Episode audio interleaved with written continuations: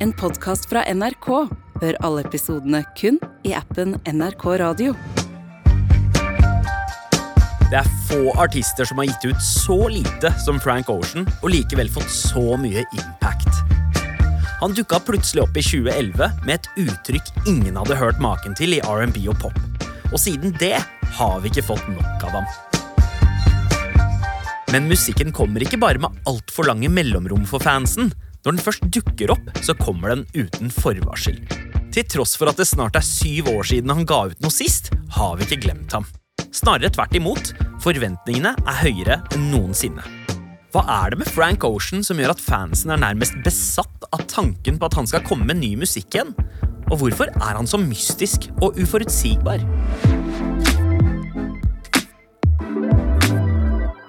Velkommen til Musikkrommet. Jeg heter Sandeep Singh. Frank Ocean, he's just a genius. Frank is a fucking, he does his thing. He's 100%. because he's just the truth. Frank Ocean er artisten som har fått den type legendestatus som bare avdøde musikere får. Adiela Rukve jobber med radio og podkast i NRK P3 og har fulgt Frank Ocean helt siden starten. For helt siden første utgivelse for snart tolv år siden har han revolusjonert musikksjangre og påvirka hele platebransjen og hvordan musikk kan gis ut. Frank Ocean gjør det jo på sin helt egen måte. Jeg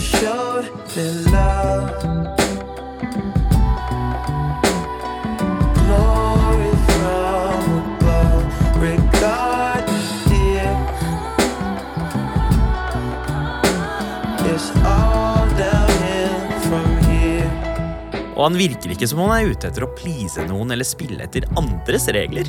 Og sånn har han jo samtidig klart å bygge opp en mystikk rundt seg som gjør at han blir enda mer spennende. Men hvordan ble han egentlig dette kreative geniet?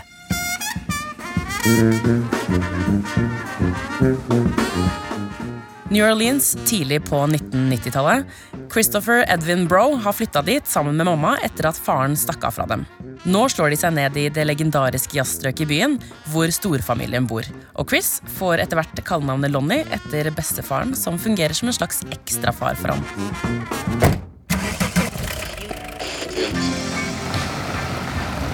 På bilturer med mamma begynner han tidlig å synge til 90-talls R&B, og drømmer om å være på radio selv.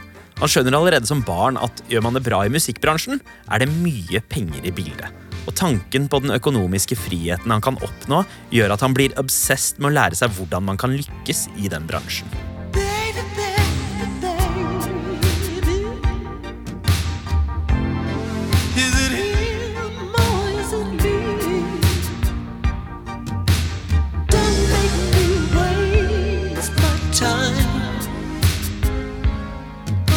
Men det er når han hører Prince for første gang at han virkelig blir inspirert til å uttrykke seg med musikk.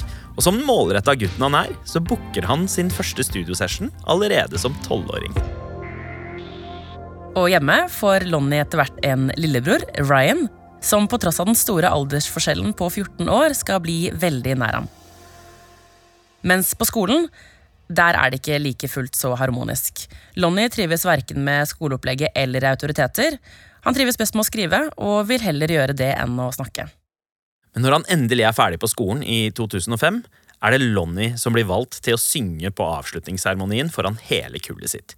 Iført blå kappe og den klassiske firkanta graduation-hatten fremfører han skolens egen tradisjonelle sang, som har en melodi du kanskje kjenner igjen.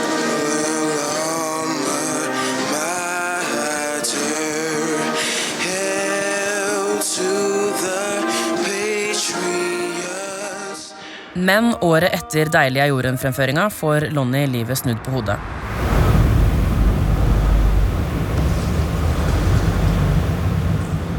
Han og alle de andre i New Orleans blir ramma av en enorm naturkatastrofe.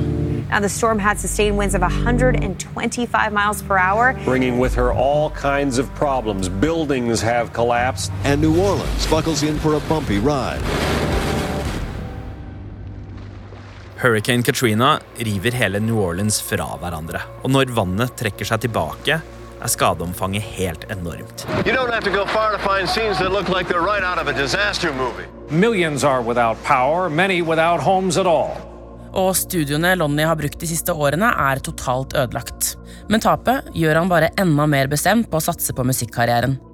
For nå dropper han ut av engelskstudiene, setter seg i sin Nissan Maxima og kjører vestover. Med bare 1000 dollar på kontoen satser han på å få mer fart på musikkarrieren i LA. Der begynner han å ta alle strøjobber han kan få tak i. Om det så er å lage fast food eller selge forsikringer, så sier han ja til det. Samtidig som han fortsetter å jobbe målretta med musikken sin. En kveld han skal møte en kompis, havner han tilfeldigvis på en lyttefest i et studio. En gjeng står med laptopene sine på et biljardbord og spiller låter de har lagd for hverandre. Og Lonnie han blir oppmuntra til å vise frem det han har laget.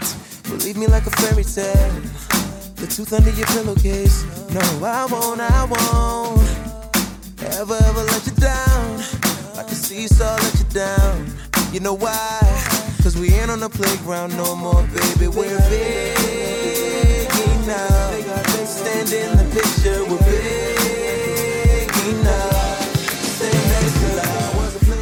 Og bransjefolkene som er der, de blir så imponerte at de inviterer han til å komme i studio, hvor låtskrivere samles for å skrive.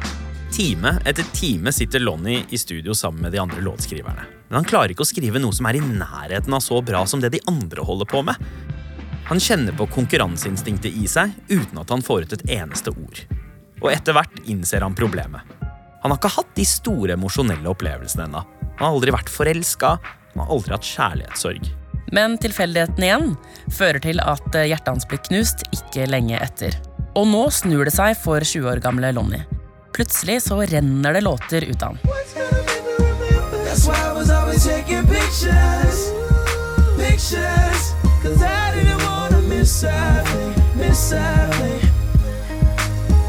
Lonnie gjør det såpass bra at i 2008 får han oppfylt det mange låtskrivere drømmer om.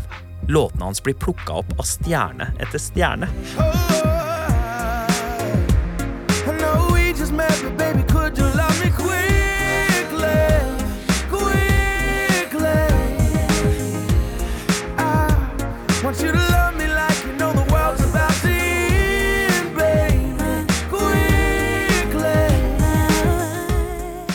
John Legend bare må ha hooket. Brandy kan ikke få nok av låtene hans. Og ikke minst, gutten som er i ferd med å bli verdens største popstjerne, Justin Bieber, blir enda større med Lonnies hjelp.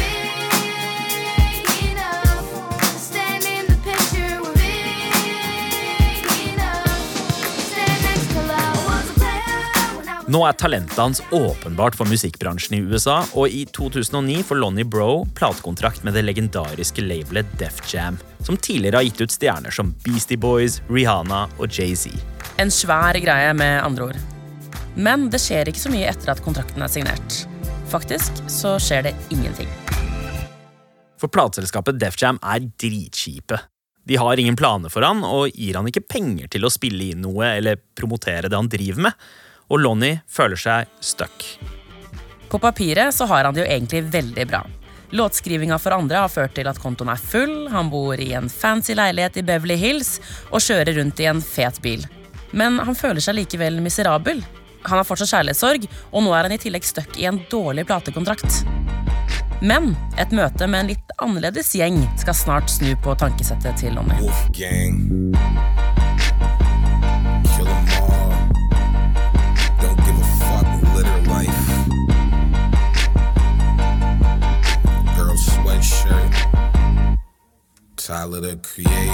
Odd Future Wolfgang Kill Them All, eller bare Odd Future på folkemunne, rappkollektivet ledet av Tyler the Creator, tar Lonnie inn i varmen. Lonnie er den litt odde gjengen. Han er eldre enn de andre gutta og langt fra så gæren som dem.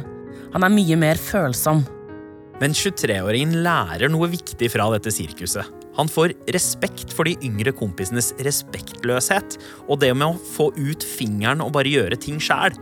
Lonnie har jo ved siden av låtskrivinga for andre allerede skrevet en svær bunke låter for seg selv også, og nå begynner han å legge en liten plan for hvordan han skal nå ut med sin egen musikk.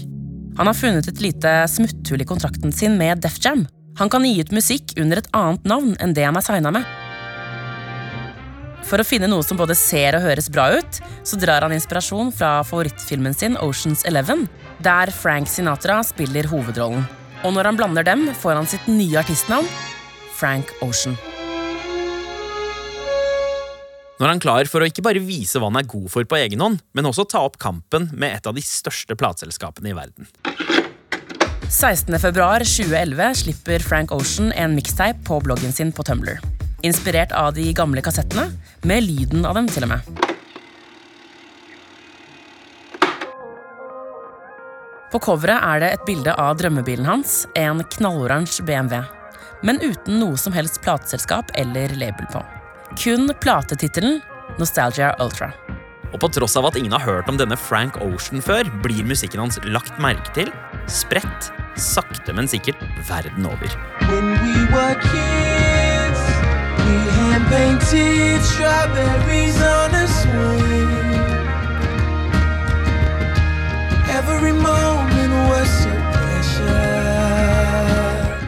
Musikken er banebrytende. Det er R&B på en måte som vi aldri har hørt før. Frank leker med Coldplay og annen uventa musikk. The fuck? What is a Radiohead? anyway. Whatever. Han sampler og gjør egne versjoner av kjente låter, til og med papparock fra 70-tallet, og blander inn masse spillreferanser. Og han gjør det med en form for undergrunnsaktig Tumbler-estetikk. Altså, det er veldig upolert og utrolig forfriskende. Men det er tekstene som griper lytteren. Der pop-R&B lenge har vært ganske glossy og sexfiksert, så har jo Frank i tillegg til det grumsete historier som lager bilder i hodene våre på en måte vi ikke har opplevd i sjangeren før. I guess I'm just inspired to tell stories. And so if you put it in the form of a song, oftentimes if the you know if the song is striking enough, then you can really deliver the story. I think I started something. I got what I wanted. Did, didn't I? Can't feel nothing. Superhuman, even when I'm fucking Viagra. Popping every single record. Auto tuning, zero emotion. Emotion.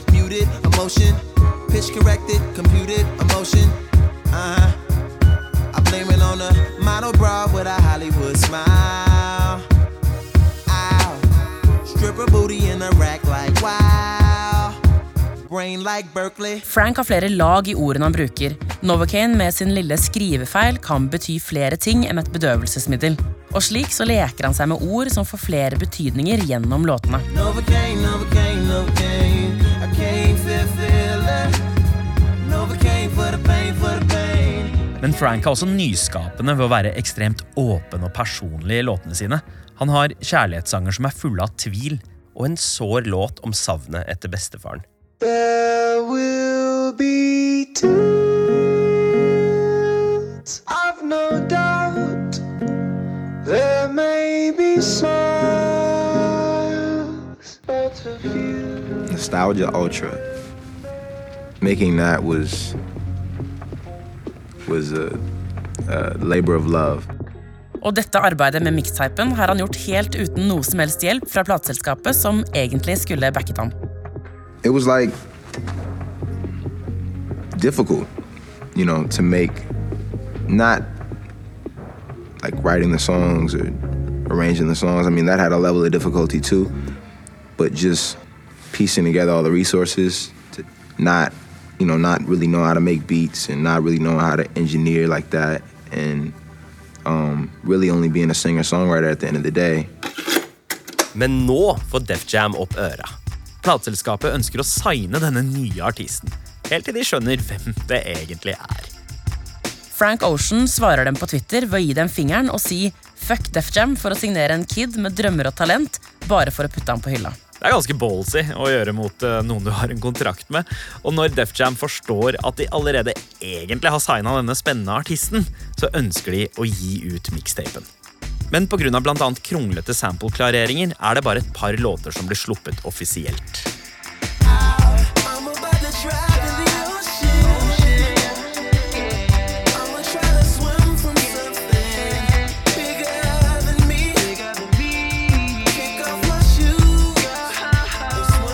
På kort tid så har Frank Ocean blitt en snakkis. Alle digger musikken hans, inkludert noen av de største stjernene i popverden. My husband was playing uh, this music, and this guy's tone and his lyrics just touched me. And after one song, I said, okay, Who is that? because I want them on a flight tonight. I know you feel it in the air. Even the babies know it's there. Tough love. Både Beyoncé, Jay-Z og Kanye hiver seg over ham for samarbeid til sine nye album. Han tar også til seg mye av denne hemmelighetsfulle tilnærminga Beyoncé har til superstjernelivet. Noe som er med på å fyre opp under populariteten hans. Why don't I know much about you, Frank? I, I, I don't know. I think that's just um, Is that on purpose? it's just my personality. Are you going for the man of mystery thing? I'm not even going for it. It's just kind of how it is. Men selv om Frank Ocean er i ferd med å få oppfylt barndomsdrømmen sin, så er han ikke fornøyd. For han har fortsatt en bindende kontrakt med plateselskapet han misliker. Og i et intervju sier han at de må bla opp én million dollar hvis de vil ha hans neste album. I've been thinking about you. Do you think about me still? Do you, do you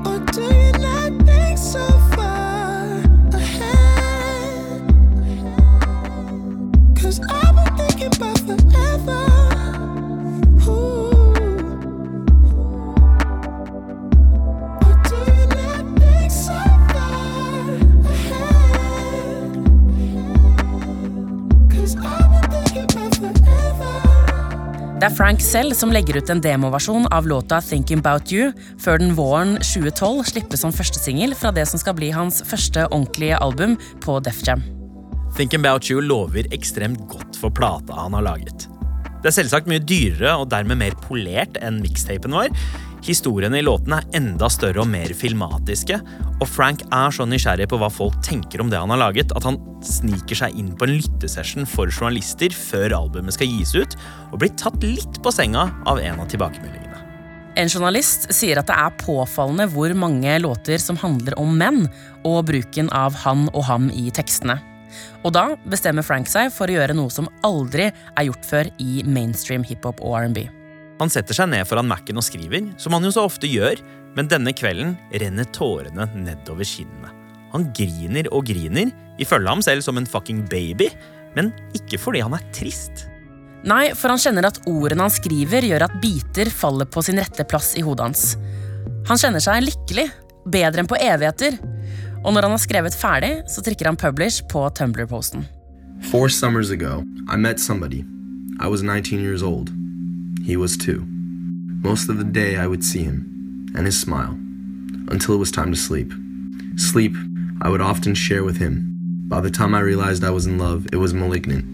It was hopeless. There was no escaping, no negotiating. It was my first love. It changed my life. Frank Ocean skriver om den som knuste hjertet hans og gjorde han i stand til å skrive musikk han bryr seg om. Og at det var en mann som gjorde det. I kept a peculiar friendship with him because I couldn't imagine keeping my life without him. I struggled to master myself and my emotions. I wasn't always successful. Frank er homofil og åpen om det. Noe som på denne tiden aldri har skjedd før i mainstream hiphop og R&B. Noen mener han risikerer hele karrieren sin ved å gjøre dette, men for mange så blir han en pioner. Og med økt oppmerksomhet så vokser også forventningene til det kommende albumet enda mer. En uke senere, 10. juli 2012, kommer det endelig. Frank Oceans enorme album, Channel Orange. Ah, ah, ah, ah. Set the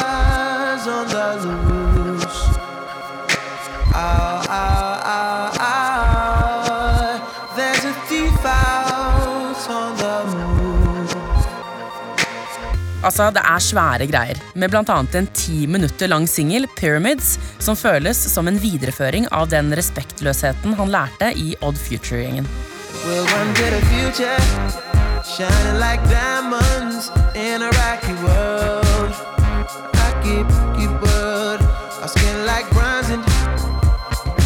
På plata mikser Frank opp funk, jazz, neo-soul, 90-talls R&B sammen med psykedelisk rock, og til tider høres det ut som han gaper over hele popmusikkens historie.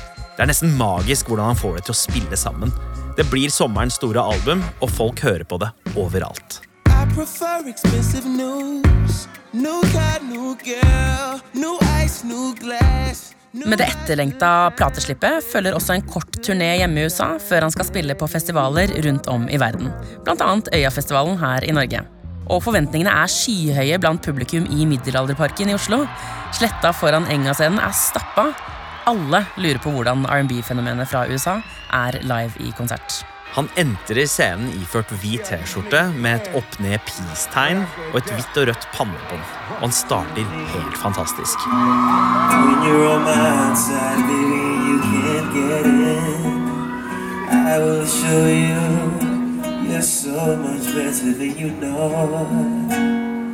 Han åpner med en Sade-cover før han fortsetter med tre egne låter, og det er så vakkert. Tuesday meant to May, usually doesn't rain. Southern California, much like Arizona.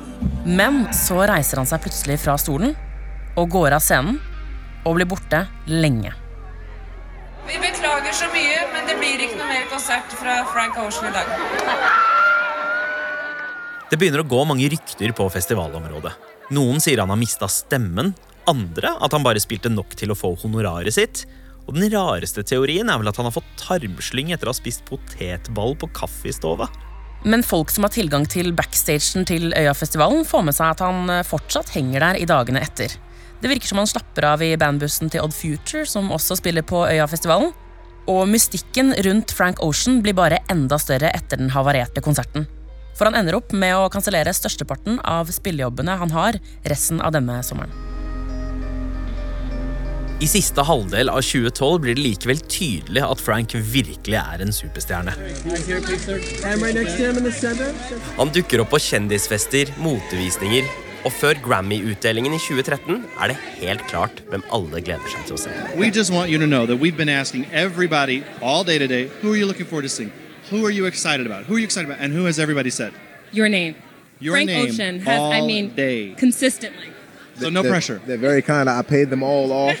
På prisutdelingen spiller han live, og så er han selv nominert til seks priser, hvor han vinner to av dem. Før han turnerer noen få byer i Canada og Europa, inkludert en tur tilbake til Norge, hvor han gjør opp for den korte Øya-konserten med en spektakulær konsert på HV-festivalen i Arendal, som var så magisk at jeg ga den terningkast seks.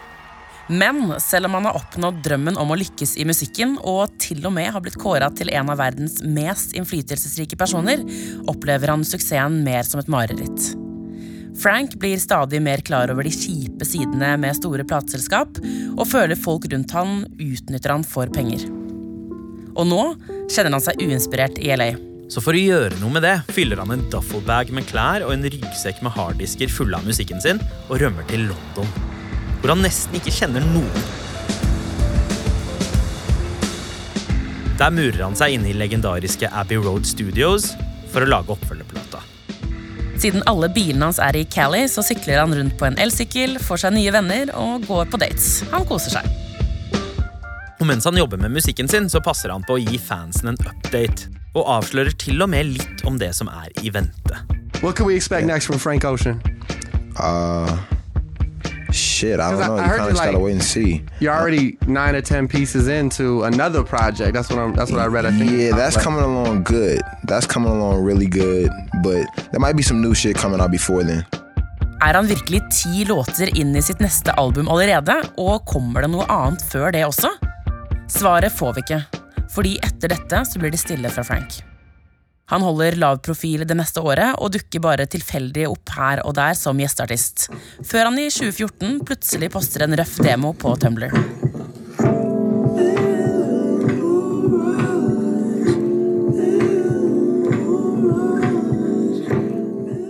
Men fansen er utålmodige. De venter jo på et helt album som han har sagt at han er langt inne i. Og et lite drypp til fra superstjernen får forventningene opp for fullt.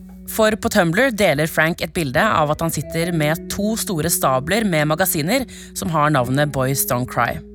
Og under bildet har han skrevet 'Jeg har to versjoner'. To versjoner.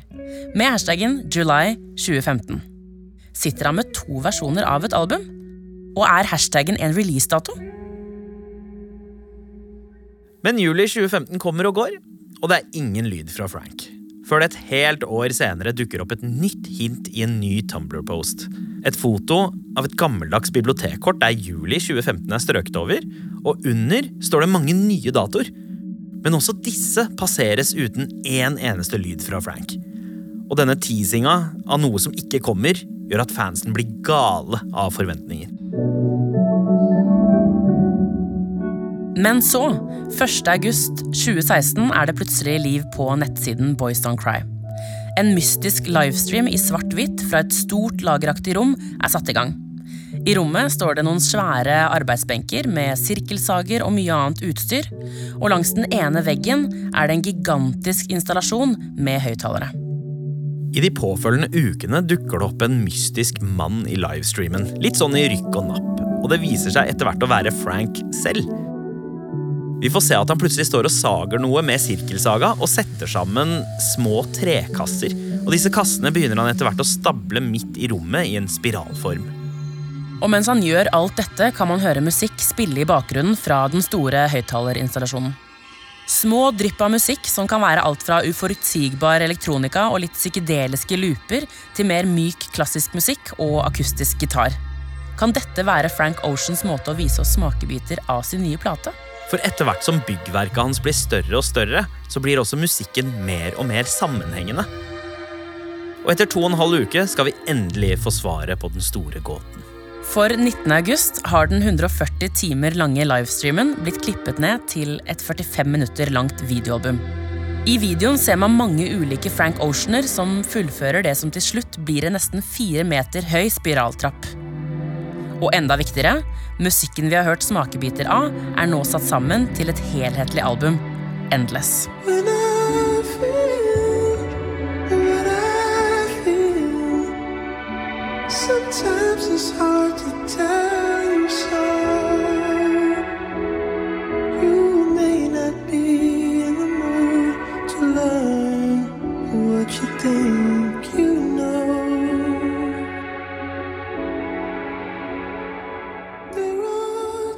Endelig har vi fått det etterlengta Frank Ocean-albumet. Tror vi. Ja, for midt i ekstasen vi fans føler på, får vi en uventa twist. For dagen etter han slapp Endless, slipper han plutselig enda et album. Blond. Yeah, yeah. Uh, yeah, yeah, yeah. That's the way every day goes. Every time we've no control.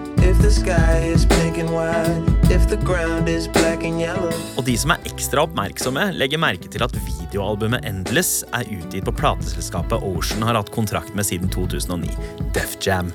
Mens Blonde på den andre siden er utgitt på et helt annet plateselskap, Boys Don't Cry, som viser seg å være Frank Oceans eget label. Og Blond er det mest personlige albumet fra Frank Ocean hittil. For i løpet av den lange stillheten fra han har han opplevd noe av det verste en kreativ kunstner kan oppleve, nemlig skrivesperre. I et helt år satt han i studio og stirra tomt på skjermen uten å klare å lage noe han var fornøyd med. Men så skal han ha møtt en gammel venn fra New Orleans. Og denne vennen inspirerte han til å grave enda dypere i sin egen fortid. Dette blir til et supersårt album som jeg i hvert fall ikke hadde hørt maken til før, med tekster om kjærlighetssorg, tap og traumer. I, I,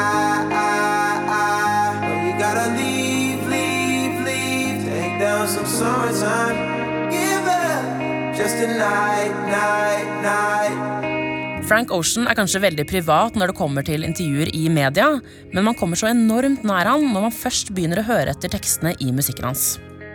Og i det musikalske på plata viser Frank Ocean hvordan han virkelig er en helt annerledes popartist enn vi noensinne har hatt før. Han leker seg med utypiske uttrykk. Det er nesten ikke trommer på albumet, men han sampler gamle 60- og 70-tallslåter av The Carpenters og The Beatles på kreative måter. And I will forever. That was my part of the deal. Honest, we got so familiar. Spending each day of the year, white Ferrari. Good times. Og ikke minst henter han mye mer inspirasjon fra artister som han absolutt ikke forbinder med R&B, som Brian Eno, Beach Boys og Radioheads Johnny Greenwood, og det føles som alt materialet er tatt opp og så klipt og limt til det nærmest ugjenkjennelige. Ja, for han har hatt mange venner innom studio, men det å pinpointe hvor de bidrar, er ikke like lett. Ikke engang for dem selv.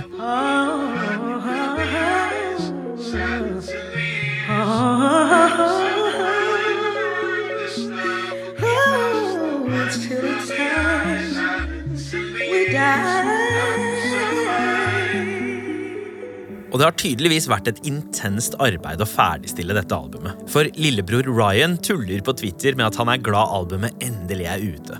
For når han har vært med storebror i studio, så har Frank vært så fokusert at han flere ganger har glemt å gi lillebror mat, eller i det hele tatt å sende han hjem igjen. Det her tyder jo på en overarbeida Frank. Og ikke så rart, for i arbeidet med både Endless og Blond har Frank parallelt lagt en slagplan for å komme seg ut av kontrakten med Def Jam som han har følt seg fanget i. Og der videoalbumet Endless ble hans siste og avgjørende sjakktrekk, så er han jo med Blond endelig fri. Det er vel kanskje derfor også han selv omtaler Blond som sitt aller første ekte album. Og verden elsker denne plata minst like mye som han selv. For den fyker rett til topps på albumlista til Billboard. Men til forskjell fra da Channel Orange kom, er promoteringa rundt dette albumet så å si fraværende. For Frank drar ikke på lanseringsturneer og gjør nesten ingen intervjuer heller. Og når Grammy Awards kommer opp, så vil han ikke engang melde seg på, selv om han har gitt ut det som mange ser på som årets beste album. Han føler Grammy er utdatert og vil ikke være en del av det lenger. Frank tells the New York Times that he feels the Academy doesn't award what is actually relevant in today's popular music. Yeah, Frank says that institution certainly has nostalgic importance. It just doesn't seem to be representing very well for people who come from where I come from. I årene etter Blond blir Frank Ocean om mulig enda mer mystisk, tilbaketrukken og uforutsigbar. Han dukker opp litt sporadisk som eh, fotograf på noen moteeventer og som gjest i president Obamas aller siste offisielle middag i Det hvite hus, der han tar med mamma som sin pluss én. Mr. Frank Ocean and Ms. Catania Bro. Og så er han gjesteartist på låtene til venner. Det mest staselige for oss nordmenn er vel kanskje når han i 2017 dukker opp på plata til Tyler the Creator sammen med norske Anna of the North.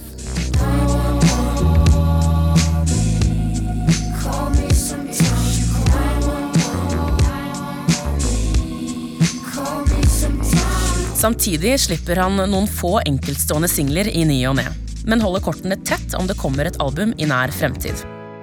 Og han er selv med på å bygge opp under mystikken rundt seg selv når han i 2019 gir et sjeldent og eksklusivt intervju, hvor han selvfølgelig blir spurt om hva han jobber med nå.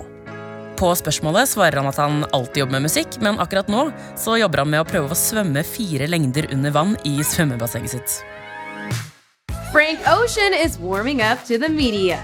For W Magazine's latest cover, the singer sat down for a rare interview in which he dished on plans for new music, his goal to swim four consecutive laps underwater, political activism, and more. Og dette intervjuet gjør jo fansen så spinnville etter å få noe mer av ham at de til og med fucker med kompisenes opptreden på festivalen.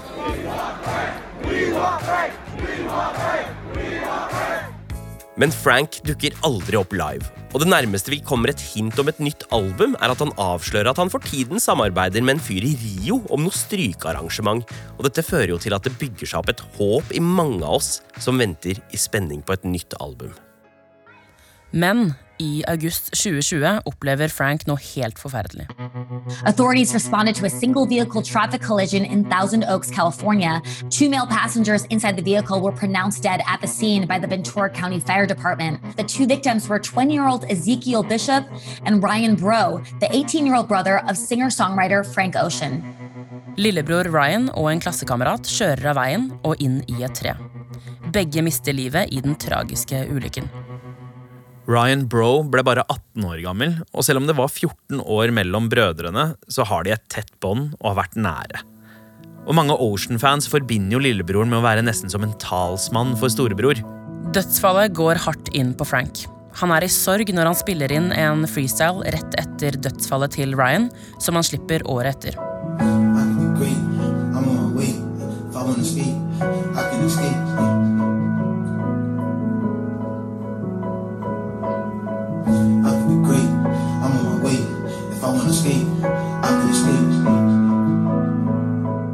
Det er en luftig og flyktig låt eh, der det nesten høres ut som Frank chanter seg bort fra virkeligheten og sorgen.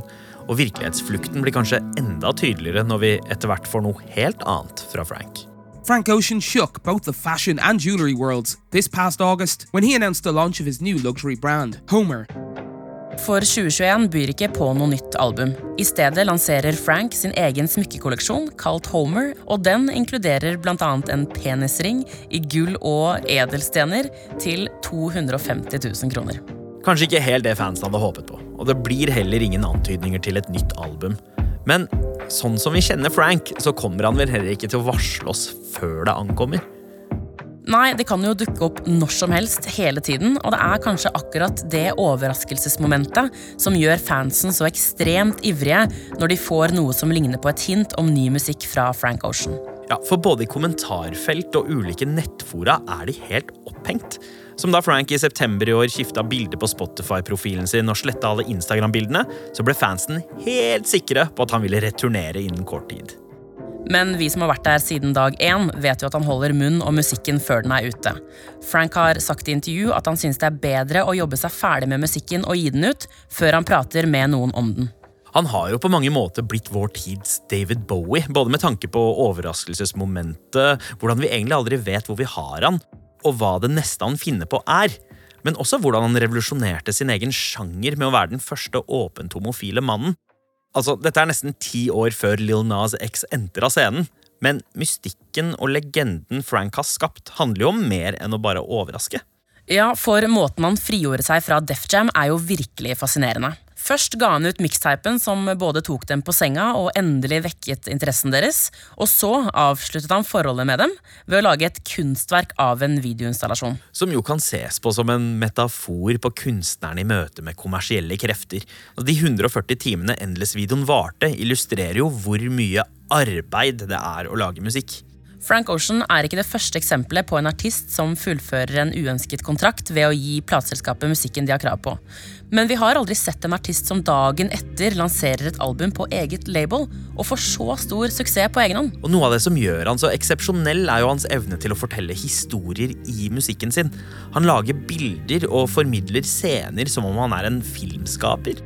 Og da er det kanskje ikke så overraskende at han i 2023 faktisk blir filmregissør når han skal jobbe med filmen som har arbeidstittelen Philly. Men det vi kanskje gleder oss mest til nå, er at det er annonsert at han skal headline Coachella til våren. Det blir spennende å se om han dukker opp der. da. Han er jo ikke akkurat forutsigbar. Nei, for han er jo en artist som er litt skummelt å forelske seg for mye i, for eh, da blir man fort skuffa. Det er liksom som den der dype forelskelsen der du hele tiden blir gitt en lillefinger, men aldri får være et ordentlig forhold. Sånn er det å være fan av Frank Ocean.